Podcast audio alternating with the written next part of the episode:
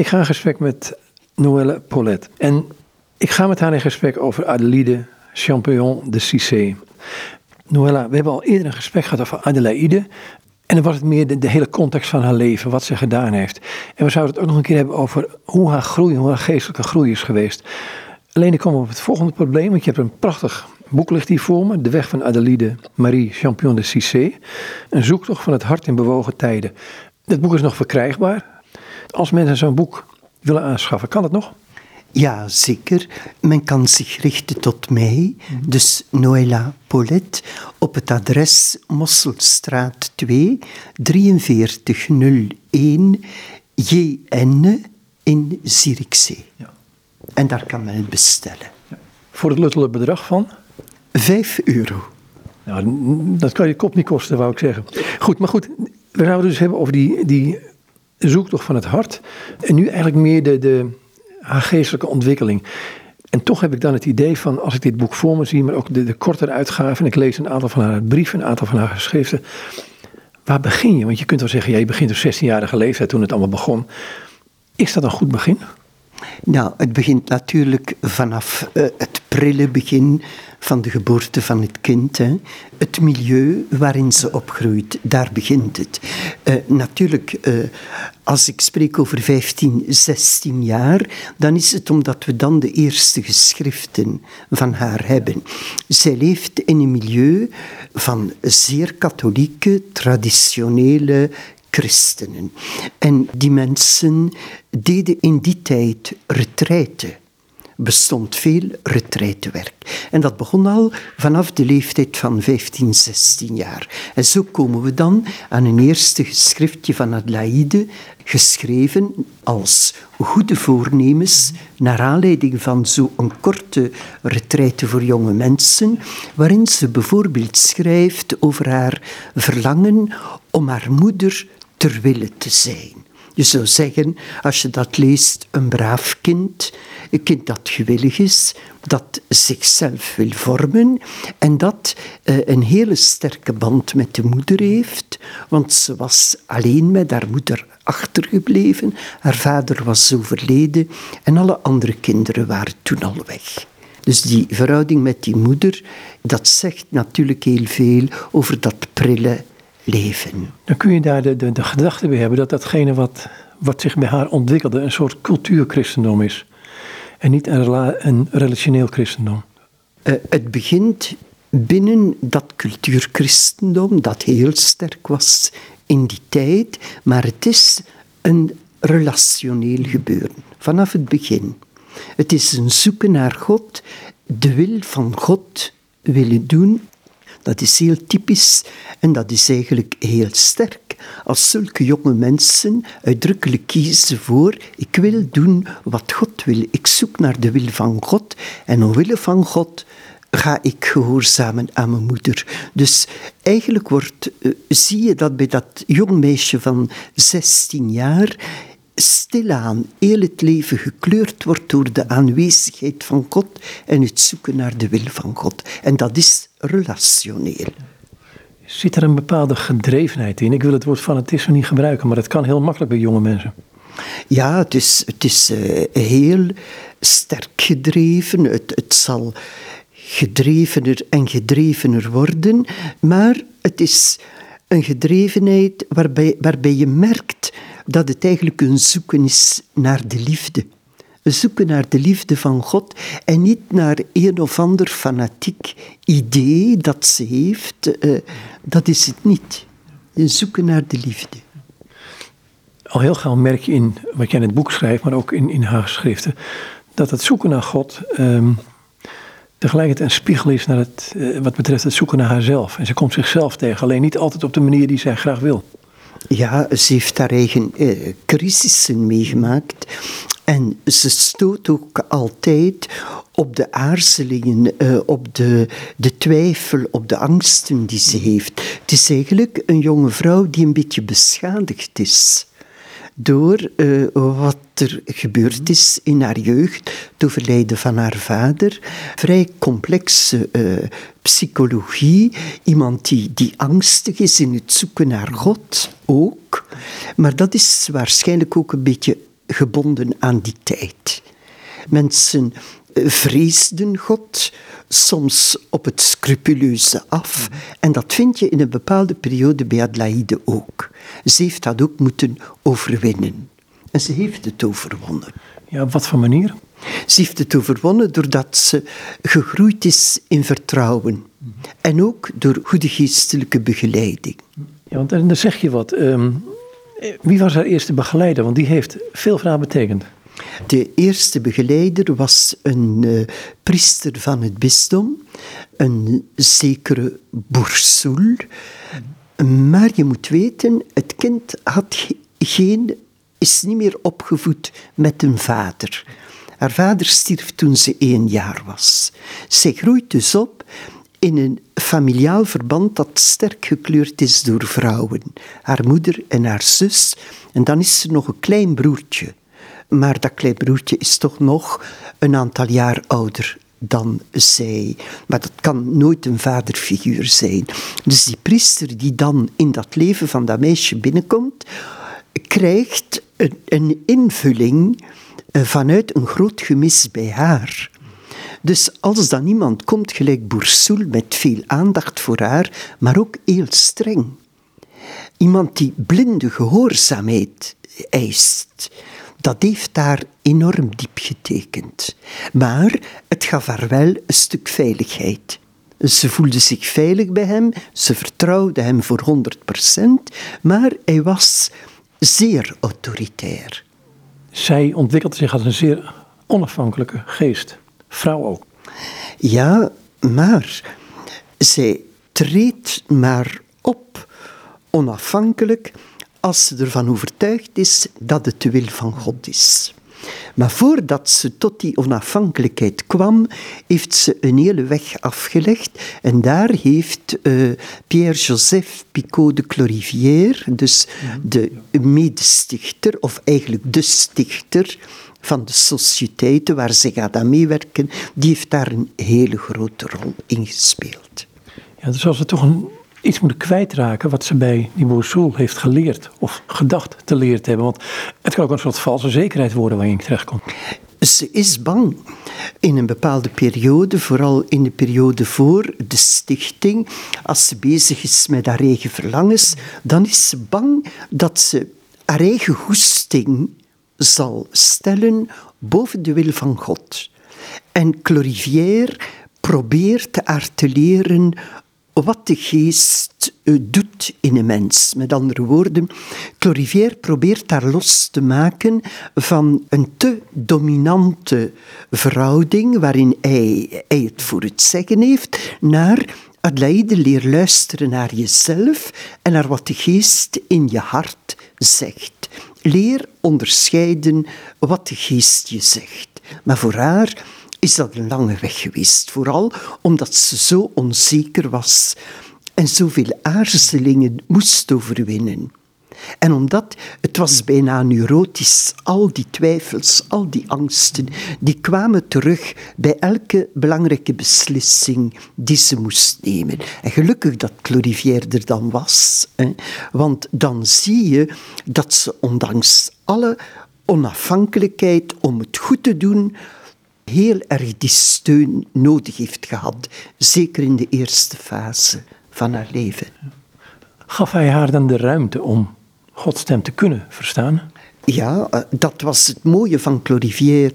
Clorivière heeft daar geleerd te luisteren naar de stem van God en heeft haar geholpen om al haar angsten te overwinnen. Maar het is een begeleiding geweest die eigenlijk heel haar leven heeft geduurd. Niet altijd zoals voor de stichting. Na de stichting is ze toch veel rustiger en zelfzekerder geworden, maar toch Clorivière heeft daar een zeer goede en bekwame rol gespeeld. Dan zei je net van, um, het is belangrijk dat ze, ze was onzeker, het is belangrijk om te verstaan wat God van je wilde. De stem van de geest in je binnenste, maar ook wat je zelf wil. Hoe herken je die twee? Want het kan, het is vaak toch gemengd in, in een mensenleven, tenminste, het is mijn ervaring enigszins. Hoe herken je nou de stem van de geest en de stem wat je eigen stem is? Want het, het kan heel, die eigen stem kan heel religieus zijn. Ja, zeker. En nu, daarover heeft zij een hele...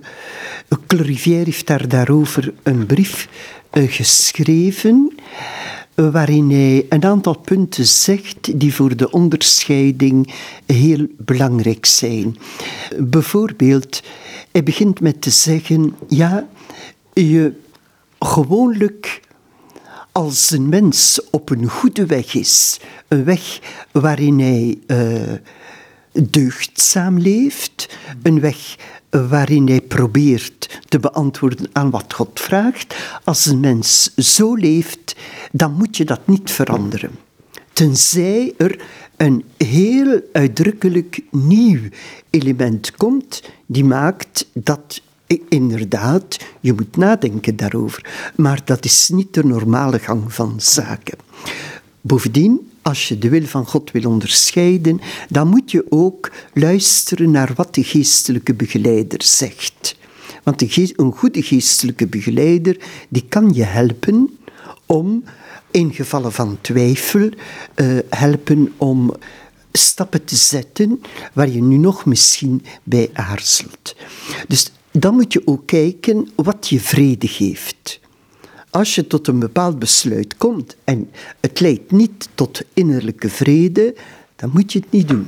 Zo zijn er een aantal regels die je hier ook in dit eh, boek eh, besproken vindt over wat je kan helpen om tot een goede onderscheiding van de geesten te komen. Dat is... Je zegt dat je een brief van hem hier hebt waarin hij dat schrijft. Kun je het voorlezen? Dan moet ik het eerst even, even zoeken. Want er staat natuurlijk in dit boek ontzettend veel. Uh, hier. Ja. Kijk, uh, het gaat om brief nummer 3a10. Een schrijven van 4 februari 1788. Uh, dat is brief nummer 2a3 waar Clorivière schrijft over de onderscheiding.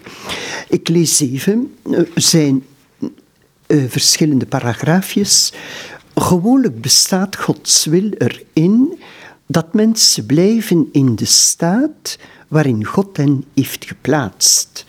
Als deze staat heilig is en vrome mensen er God trouw in dienen en voortgang maken in de deugd, als zij ertoe geleid worden door een aaneenschakeling van omstandigheden door de voorzienigheid bewerkt, moeten zij er uit zichzelf niet uit weggaan. Dat zou getuigen van natuurlijke instabiliteit of van subtiele eigenliefde die het moe is achter anderen aan te gaan. En dan het tweede, verlangens die van God komen zijn gekenmerkt door vrede en kalmte. Ze wekken vurigheid op en doen met meer zorg werken aan de volmaaktheid. Indien iets buitengewoons moet gedaan worden, hebben deze verlangens iets meer dringend, iets meer gebiedend, maar ze zijn nooit ongeduldig omdat men op God vertrouwt voor hun uitvoering. Meestal effent God de weg, zodat omstandigheden aantonen wat moet gedaan worden. Het advies van een biechtvader is zeker een belangrijke indicatie. Dat is het. Dus het, het kan er weer weerhouden van hele impulsieve, rare stappen. Ja, ja, maar op een bepaald moment zie je dat Adelaide wel vrij uh, plots een besluit neemt. Op een bepaald moment bijvoorbeeld doet ze een soort noviciaat, ten private titel, onder leiding van een overste en uh, een, een, zuster en onder leiding van Claudivier per brief dan. En op een bepaald moment stopt ze brusk met die proeftijd. Alhoewel ze daar geweldig naar uitgezien heeft, geweldig naar verlangd heeft.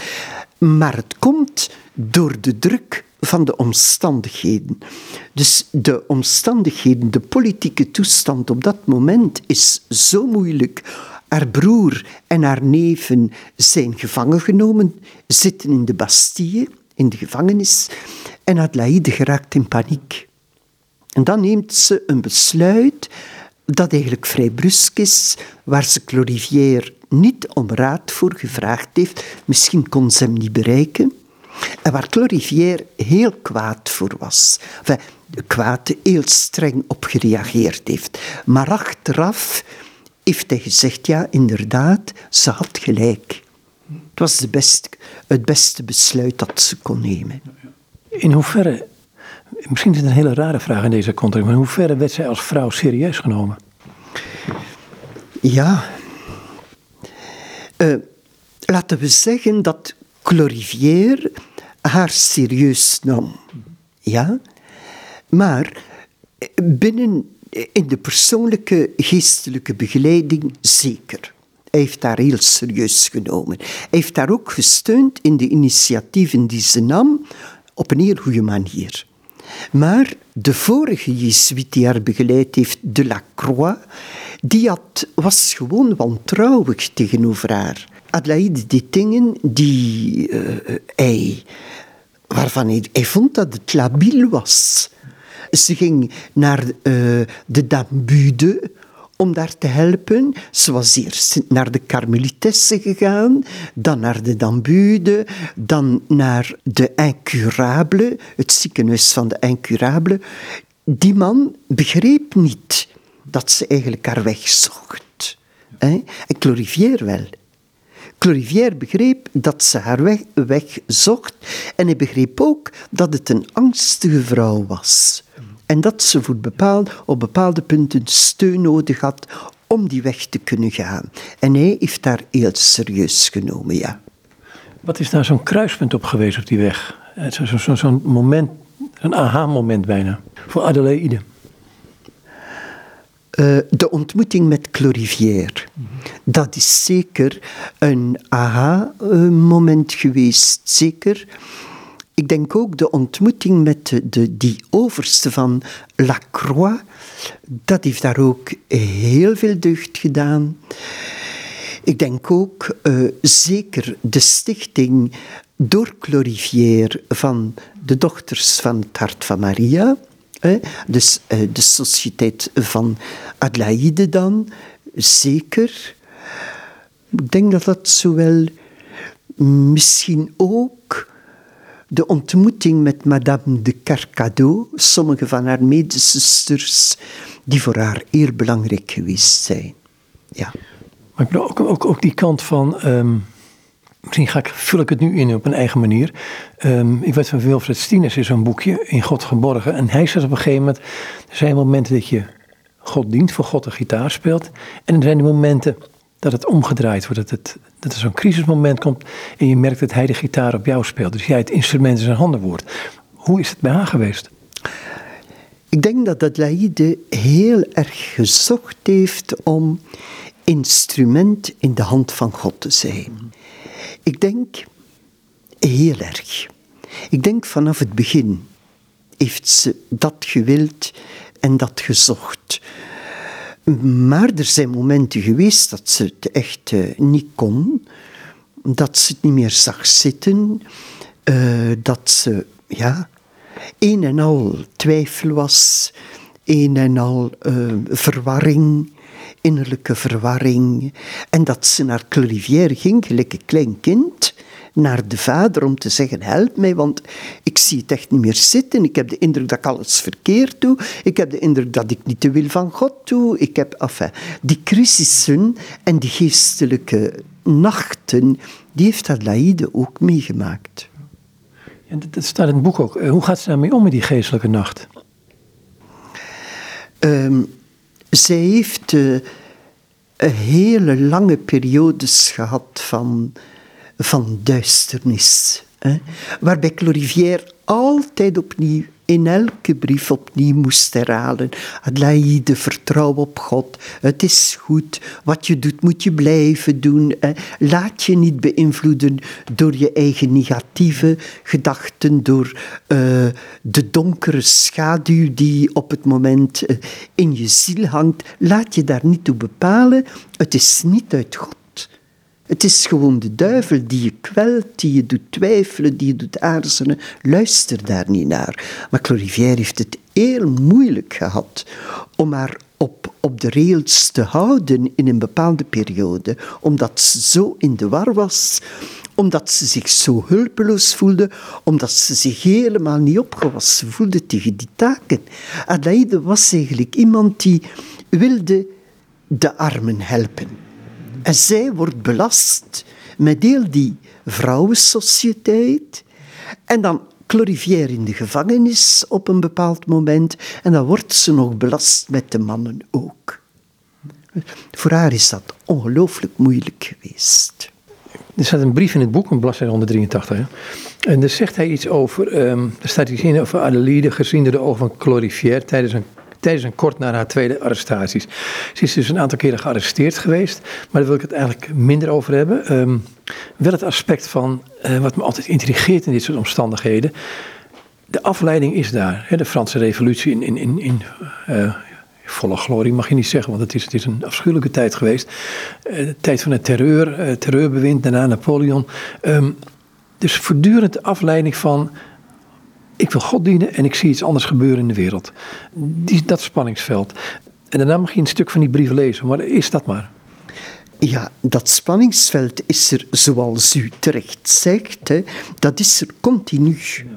Dus zij leeft gedurig in een periode waarin de kerk op alle mogelijke manieren te lijden heeft.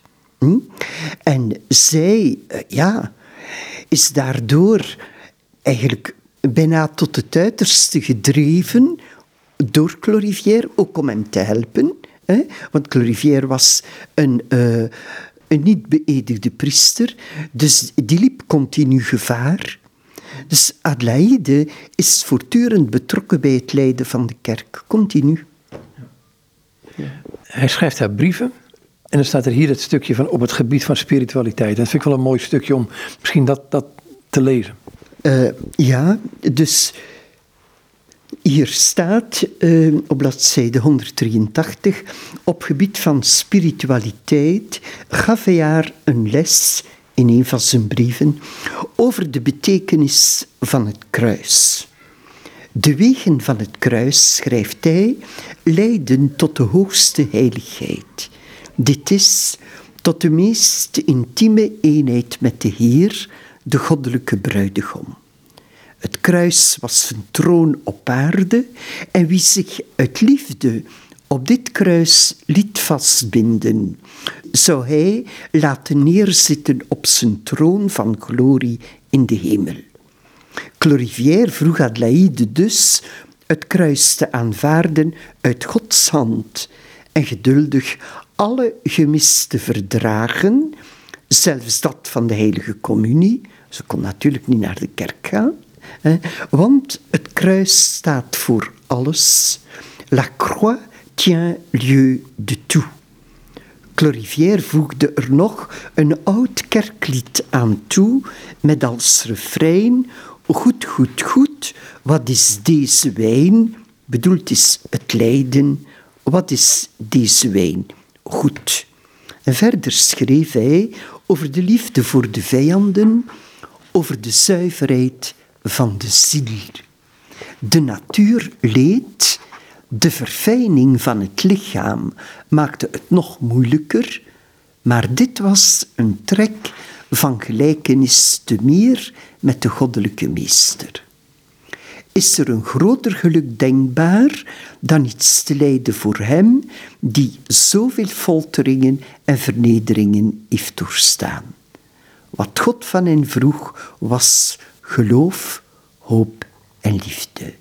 Fiat voluntas tua. Er volgt er nog een brief. En dan is er nog een derde brief. Onmiddellijk na haar vrijlating, waarin Clorivière zijn vreugde uitdrukte.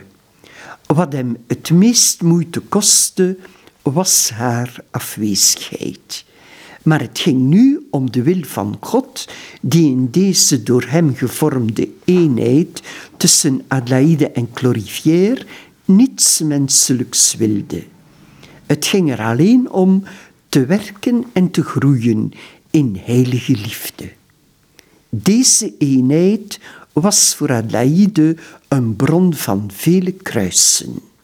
Maar als de Heer hen met zich verbond, was het een groot geluk het kruis te dragen. De meest overvloedige zegeningen zouden over haar worden uitgestort. Met deze bemoedigende woorden begon voor Adelaide de tijd na haar gevangenschap. Dat is het. En ja, dat is het. Um, maar uit latere correspondentie zal blijken dat Adelaide blijvend gehavend was door deze ervaring, door de ervaring van deze arrestaties. Um, toch dat vertrouwen dat dwars doorheen. Dat heeft me altijd verbaasd van mensen die door lijden heen gaan, door vervolgingen heen gaan. Als je innerlijk soms hoort hoe deze mensen eraan toe zijn, denk je nou liever niet. En toch blijven ze standvastig. Ik vind het een van de wonderen van wat ik hier lees. Ja, dat is inderdaad uh, een wonder van, van genade. Hè? Dus je ziet hier bijvoorbeeld, als God ons andere kruis zou overzenden, laten we ons verheugen. Waarom? Omdat we heil vinden, sterkte en volmaaktheid. Gij beklaagt u over uw ellende, stort ze vol vertrouwen in het bloed van de Verlosser van de wereld. Het gaat dus niet om dat je zelf zo buitengewoon sterk bent. Daar gaat het niet om. Het gaat erom dat je in die verhouding met de Heer, hè, dat je daarin het vertrouwen vindt om het vol te houden. En dat je dus niet opgeeft, omdat je weet dat Hij er is en omdat je weet dat Hij je draagt. Je wordt gedragen door de genade van God. Anders zou geen mens het volhouden. Nee, klopt. Zij hield het wel vol. Um, en het vraagt ook van haar een soort van. Um, niet op alles. Uh, nee, te herkennen wat God echt met je wil in een tijd dat je afgeleid wordt door 101 dingen. Zelfs hele mooie religieuze dingen. Um, hoe is die weg van haar daarin gegaan? Zij heeft altijd geprobeerd in de eh, werkelijkheid, de wil van God te zien in wat zij noemt l'obéissance à l'événement, de gehoorzaamheid aan wat in het leven gebeurt. Je moet het dus niet verzoeken. Je moet je niet laten afschrikken door, uh, door, door uh, ellende, of je niet laten uh, misleiden door mooier dingen die je misschien liever zou hebben. Nee, je moet je houden aan de gebeurtenissen in het leven en daarin de wil van God proberen te onderkennen en te doen. En dat maakt je ook vrij, innerlijk. Dat maakt je vrij van je angsten, want je doet wat nu gedaan moet worden. En bij Adelaide is dat op een bepaald moment geweest, bijvoorbeeld iets wat ze helemaal niet leuk vond. Namelijk in de salons van haar broer bisschop uh, Jérôme, daar moest zij de mensen ontvangen. Daar moest zij haar broer bij staan. En ze had er een hekel aan, aan heel dat wat zij een mondain gedoe vond. Ze zou veel liever naar de armen gegaan zijn. Maar nee, ze doet het want op dat moment was dat wat God wilde. Obéissance à l'événement. Gehoorzaamheid aan de feiten, aan de gebeurtenissen. Is dat een leven in de aanwezigheid van God? Dat is een leven in de aanwezigheid van God, volop in de wereld. En dat was het geval van Adelaide. Want de verleiding is ook bij haar geweest om gewoon maar ergens een orde in te treden. Ja, ik zeg het heel makkelijk nu zit je beschermd. Je kunt, de hele dag kun je religieus zijn, met God bezig zijn, noem het maar op. Ja, ja, dat is zo. Maar zij heeft van klein af ontdekt dat Christus aanwezig was in de armsten. En die aanwezigheid van God, eh, van de Heer, in de armsten, dat is voor haar bepalend geweest.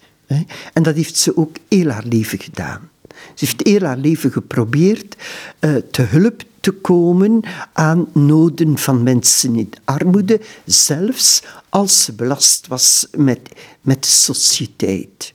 Dat moment van overgave van haar, als je dat naar in, over haar hele leven trekt. Um, Er zijn steeds van die momenten geweest eigenlijk. Uh, hoe vertrok, voltrok zich dat bij haar?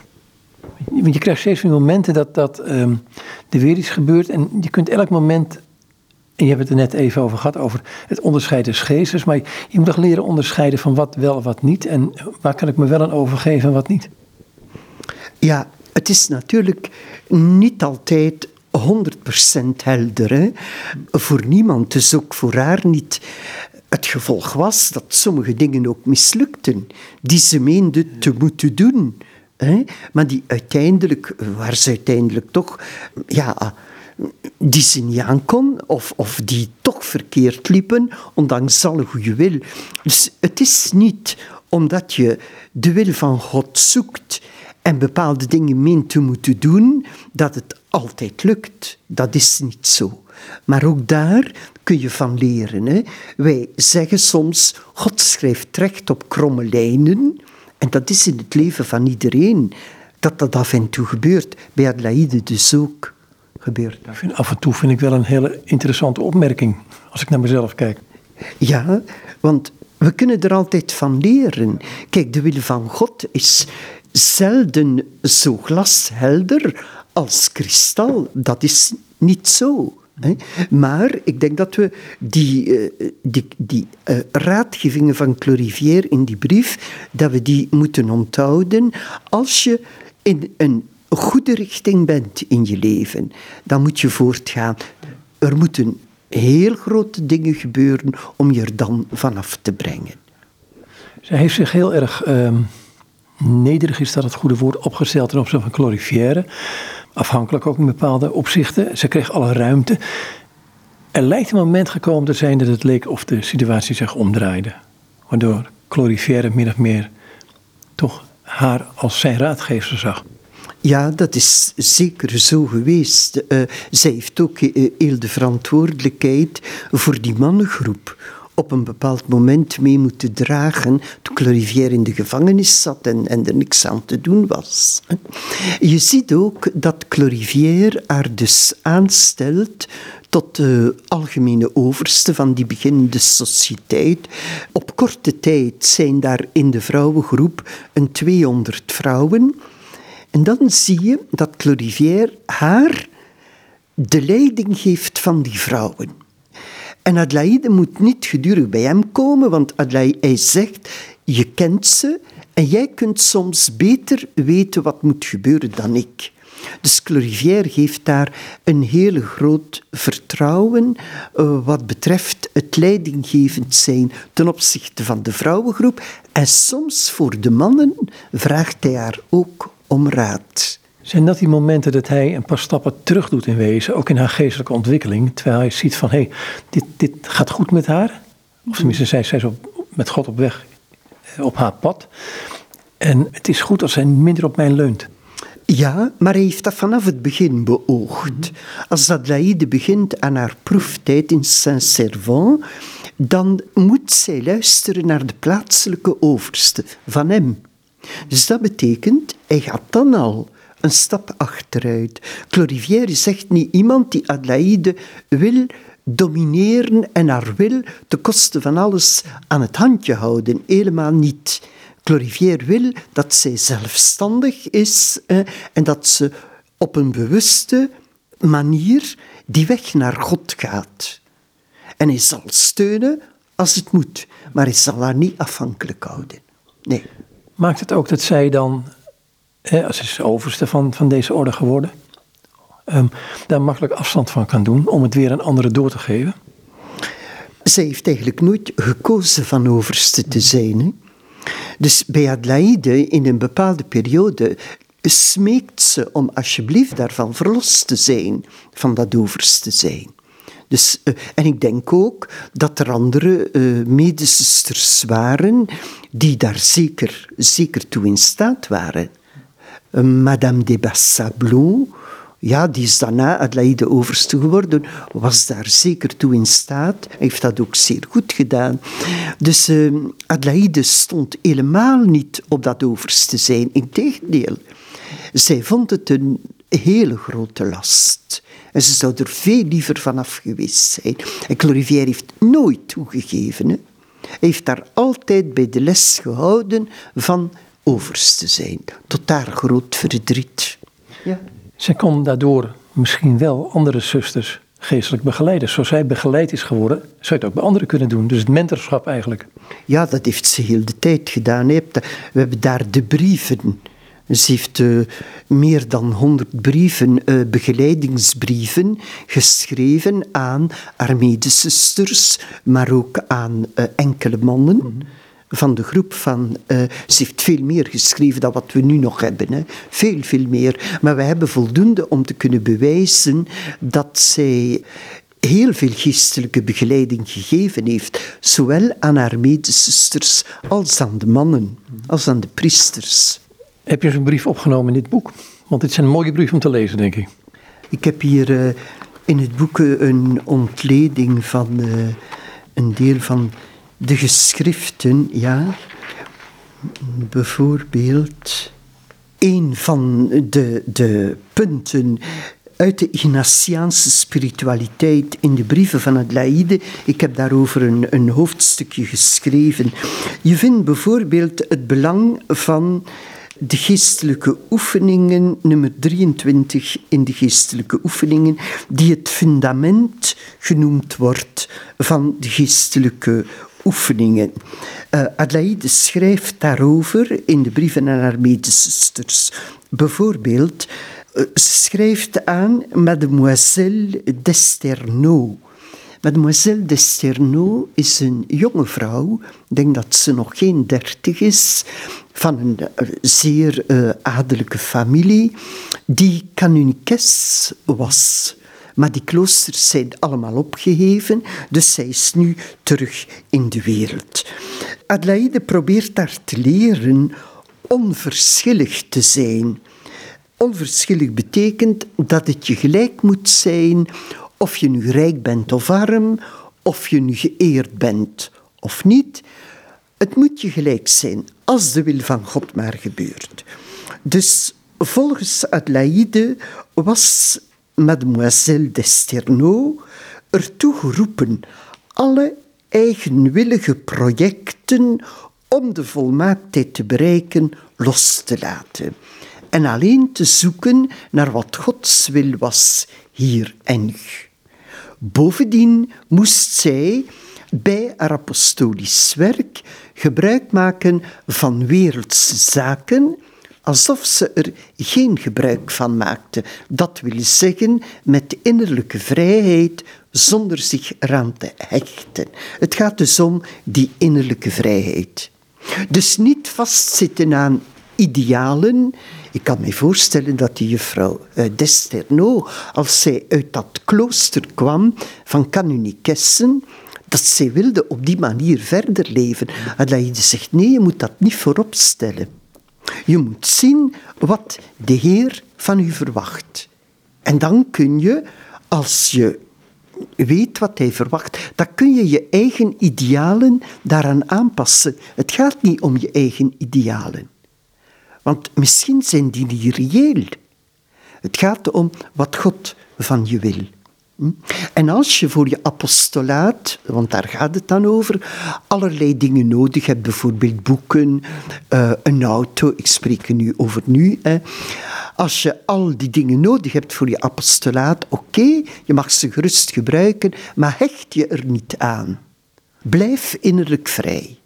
Dat zijn geestelijke oefeningen nummer 23. En dat is één klein voorbeeldje van Ignatiaanse spiritualiteit in het leven van het Laïde. En zo heb ik hier een hele reeks. Pak er nog maar in. Want dit, dit, dit wat je nu net zegt, is in wezen ook heel elementair in het, gewoon het dagdagelijkse leven van elke christen. Van, ben je gehecht op datgene wat je hebt, of misschien je positie wel? Of durf je dat los te laten en zeggen van, heer, ik heb het van u gekregen en ik hanteer het los?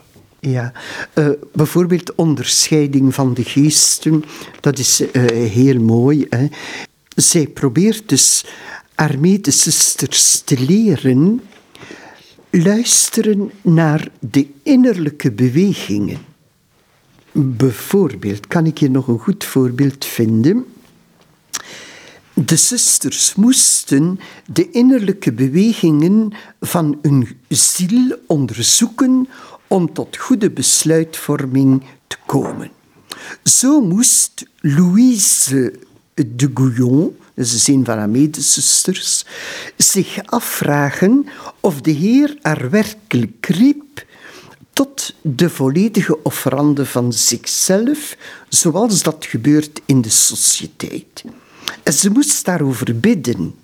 Ze moest in gebed en overweging erkennen wat God van haar wilde en dan volop met heel haar hart hierop ja antwoorden. Bovendien moest ze haar moeder raadplegen. Want haar moeder kende Adelaide goed en kende de sociëteit goed. En haar moeder moest akkoord zijn. En als dat allemaal gebeurde, dan mocht ze in de sociëteit aansluiten, bijvoorbeeld. Dus Adelaide raadt daaraan met voorzichtigheid en inzicht te handelen. Als iemand anders, Rosalie de Goes-Briand, ook een oud canonikes, postulante wil worden in de sociëteit, dan moet ze haar leven zo ordenen dat daar vele bezigheden de inkeer niet zouden schaden. Zorg dragen dat je innerlijk voldoende rust hebt om uh, te kunnen het goede doen dat je moet doen in jouw omstandigheden. Ja, we vergeten wel eens, een klooster kan zo druk zijn dat je voortdurend maar met die geestelijke taken bezig bent, met het bidden, met het psalmen zingen.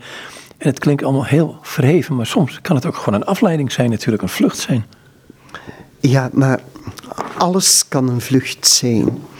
Dus uh, het komt erop aan eh, ik denk dat heel de, de opvoeding van mensen in het kloosterleven en in het leven te koer er altijd is van te proberen innerlijk in harmonie te blijven. In harmonie of in harmonie te komen. Of in groeiende harmonie.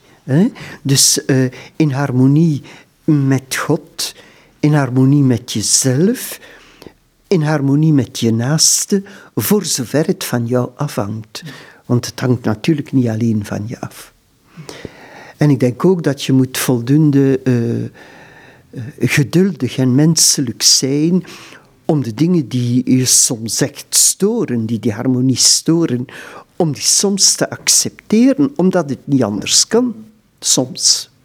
Zit er een, een uh, wat moeilijke keuze voor het martelaarschap in? Ver weg, moet ik dit zeggen? Ja, dat is een goede vraag, want in de geschriften van Adelaide en van Clorivière vind je op een bepaald moment dat de leden van de sociëteiten moeten bereid zijn het martelaarschap te accepteren als het niet anders kan. Inderdaad, als het niet anders kan. Ja, je hebt het over de tijd van de guillotine, de terreur. Ja, ja, je hebt het over die tijd, maar je hebt het niet alleen over die tijd, want het martelaarschap kan natuurlijk heel veel uh, vormen aannemen.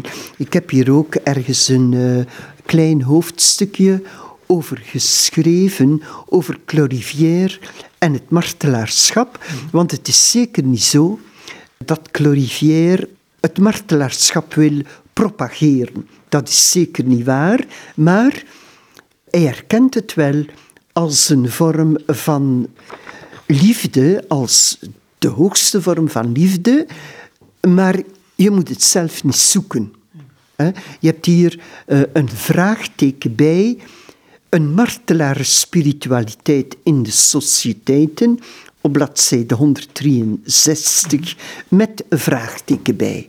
Want er zijn een aantal priesters van het hart van Jezus vermoord. Ik heb er hier verschillende genoemd. Eh, Gabriel Després, Louis Lanier, François Cormot, een zeer goede vriend van Clorivière. Ze zijn vermoord. Hè? Martelaren. Dan in de sociëteit ook. Madame eh, Desbassablon wordt vermoord op de guillotine. Dus de sociëteit kan er niet naast kijken, naast het martelaarschap. En het is de volmaaktheid van de liefde, maar de volmaaktheid van de liefde is de gelijkheid van de wil van de mens met de wil van God. En dat betekent niet noodzakelijk het martelaarschap. In extreme gevallen kan het dat betekenen, maar oké, als het zo is, dan is het zo, maar je moet het zeker niet zoeken. Zeker niet. Zag ze, zag ze dan in het volgen van Jezus, als ik het zo mag noemen, in mijn eigen woorden, het gewone dagdagelijkse leven? Het gewone normale leven noem ik dat? Ja, dat is zo. Het gewone leven met al zijn uitdagingen en met de opgave om daarin de wil van God te zoeken en te doen, dat is voor elke christen uh, wat, uh, wat moet gebeuren. Maar proef bij Glorifière, maar ook bij Adelaide en, meer mensen in, in, die een boek beschrijft, dat vaak het afleggen van die hoge aspiraties die je kunt hebben, hè, als, geestelijke, als ik noem het op, op kerkelijk gebied, dat het afleggen daarvan misschien wat meest noodzakelijk is soms. Ik, ja, ja. Als je bijvoorbeeld Anselm Grün, maar dat is dan een, een auteur van u, als je Anselm Grün leest, uh, het gaat om de spiritualiteit van beneden, om de spiritualiteit van het aardse leven. Hm? Wij leven hier in een menselijke context en in die armzalige, soms armzalige menselijke context eh, van onszelf, want we zijn gekwetste mensen, en van de wereld waarin we leven, daarbinnen moet het woord van God gehoord en gesproken en gedaan worden. En dat is niet in, in die hoge verheven sferen die je je kunt voorstellen als je begint. En als je nog niet de ervaring hebt dat God mens geworden is. En dat betekent arm. Maar goed, als ik naar Adelaide ga kijken, dan was het een onzeker meisje. Ehm, haar vader heeft snel, is ze snel verloren. Dus allerlei, um, ja, toch met zekere moeite opgevoed. Dan is de verleiding daar, oh, je denkt dat je, ik weet niet of zij dat dacht hoor, moet ik zeggen, maar de neiging is daarop te denken, je kunt iemand worden door die weg te volgen. En tegelijkertijd merk je dat het niet iemand worden is, als wel degene die God met je bedoeld heeft. Zeg ik het nu goed, want ik probeer een beetje woorden aan te geven. Ik denk dat u dat, uh, dat heel goed uh, begrijpt en uh, dat is ook zo. Dus Adlaide, ik, ik beëindig het boek met te zeggen op bladzijde 380. Adelaide is geboren in een familie met heel hoge ambitie. De leuze van uh, haar familie was Au plus vaillant le prix. Aan de dapperste de prijs. Dus je wordt geboren in een familie van vechtersbazen. En dat op alle niveaus. Twee broers bisschop, de anderen waren uh, soldaten, officieren. En daarin ben je dan, Ocharme, als het jongste meisje dat bij haar moeder moet blijven. Nou, dat is alles behalve glorieus. En Adelaide ontdekt dat het leven niet is een buitengewoon moedige eigen prestatie, nee, maar een antwoord op de wil van God in je leven. Of dat nu glorierijk is of niet, of dat nu eenvoudig is of groots, doet er niet toe. Heeft volstrekt geen belang. Alleen heeft belang de wil van God doen. Ik, ik, ik, moet nu denken aan een tekst, en ik dacht dat die van Johannes Tauler was, maar dat kan ook van Sois zijn, uit diezelfde, ongeveer diezelfde tijd. Um, die zeggen, ja, wij zijn vaak van die mensen, want ik, ik, ik zie in bladzijde 267 een andere tekst staan, bidden om genade en de deugd en deugden te verwerven. Denk ik, ja, um, en hij zegt, ik dacht dat Johannes Tauler was, zegt dan zoiets in de trant van, wij bidden dan om Gods wil, uw wil geschieden, en het onze Vader. En dan geschiet hij op een dag, en het eerste wat we doen is klagen, echt klagen. Ja, want wij verwarren heel gemakkelijk de wil van God met grote idealen. Hè? Terwijl Jezus juist de omgekeerde weg gegaan is. Jezus is de weg gegaan van het lijden, uiteindelijk van een martelaarsdood die vreselijk moet geweest zijn, in volledige verlatenheid, uitgestoten uit de maatschappij, alleen nog met enkele vrouwen en, en één leerling, volgens het Johannesevangelie althans. Dus het totale tegenovergestelde van wat wij mensen ons voorstellen bij God uh, aan de grandeur, aan alle mogelijke superlatieven. Nee, daar schiet niks van over. Integendeel, het is het gaan, de weg gaan van de totale zelfontlediging. En dat moet je leren. Ja, het lijkt bijna of het gebed om groei in Christus groei de andere kant op is.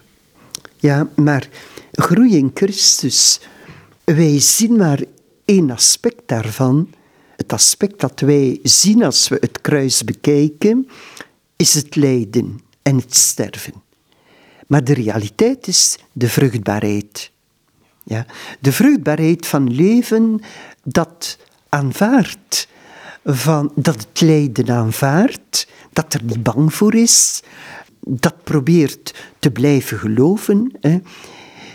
Die vruchtbaarheid en de voltooiing die van, van de liefde die daarin gebeurt, wij hebben daar vaak helemaal geen idee van dat dat de weg is. Kun je bij Adelaide zeggen, want ze is toch al op leeftijd gekomen, dat die tijd nodig was om Adelaide te laten worden die God voor haar in gedachten had, zoals zij zou moeten zijn? Beetje raar gezegd. Ja, ik denk dat Adelaide uh, geworden is wie ze moest zijn omwille van die sociëteit, omwille van de mensen van haar tijd, omwille van de kerk. Kijk, uh, je bent nooit geroepen voor jezelf.